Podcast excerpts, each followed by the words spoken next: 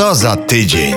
Najpierw kuzyperda Długi Romek nie mógł się zdecydować. Z kim bronić demokracji? Ze Szczeciną czy Pawłem Popisem? Aż przerażona demokracja schowała się pod stół. Potem w Krakowie z drogi śledzie, bo królowa jedzie. Śmiał się wesoło redaktor zdrada, choć kierowcom w Małopolsce do śmiechu wcale nie jest, gdyż jak powiada pismo, nie znają dnia ani godziny.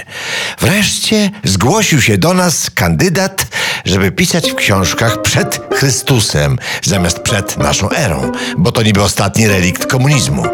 Poważnie? Zapytał zdrada.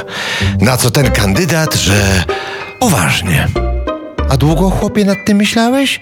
Wciąż dziwił się redaktor. Kandydat pokiwał, że długo.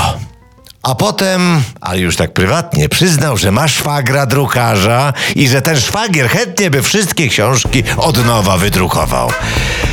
I co my na to wszystko? Nic, bo nie mamy gdzie pracować, gdyż tęcza się ukazała na niebie, więc Anetka wpadła w szał sprzątania. Szuruburu, szuruburu, trzeci dzień pucuje kancelarię.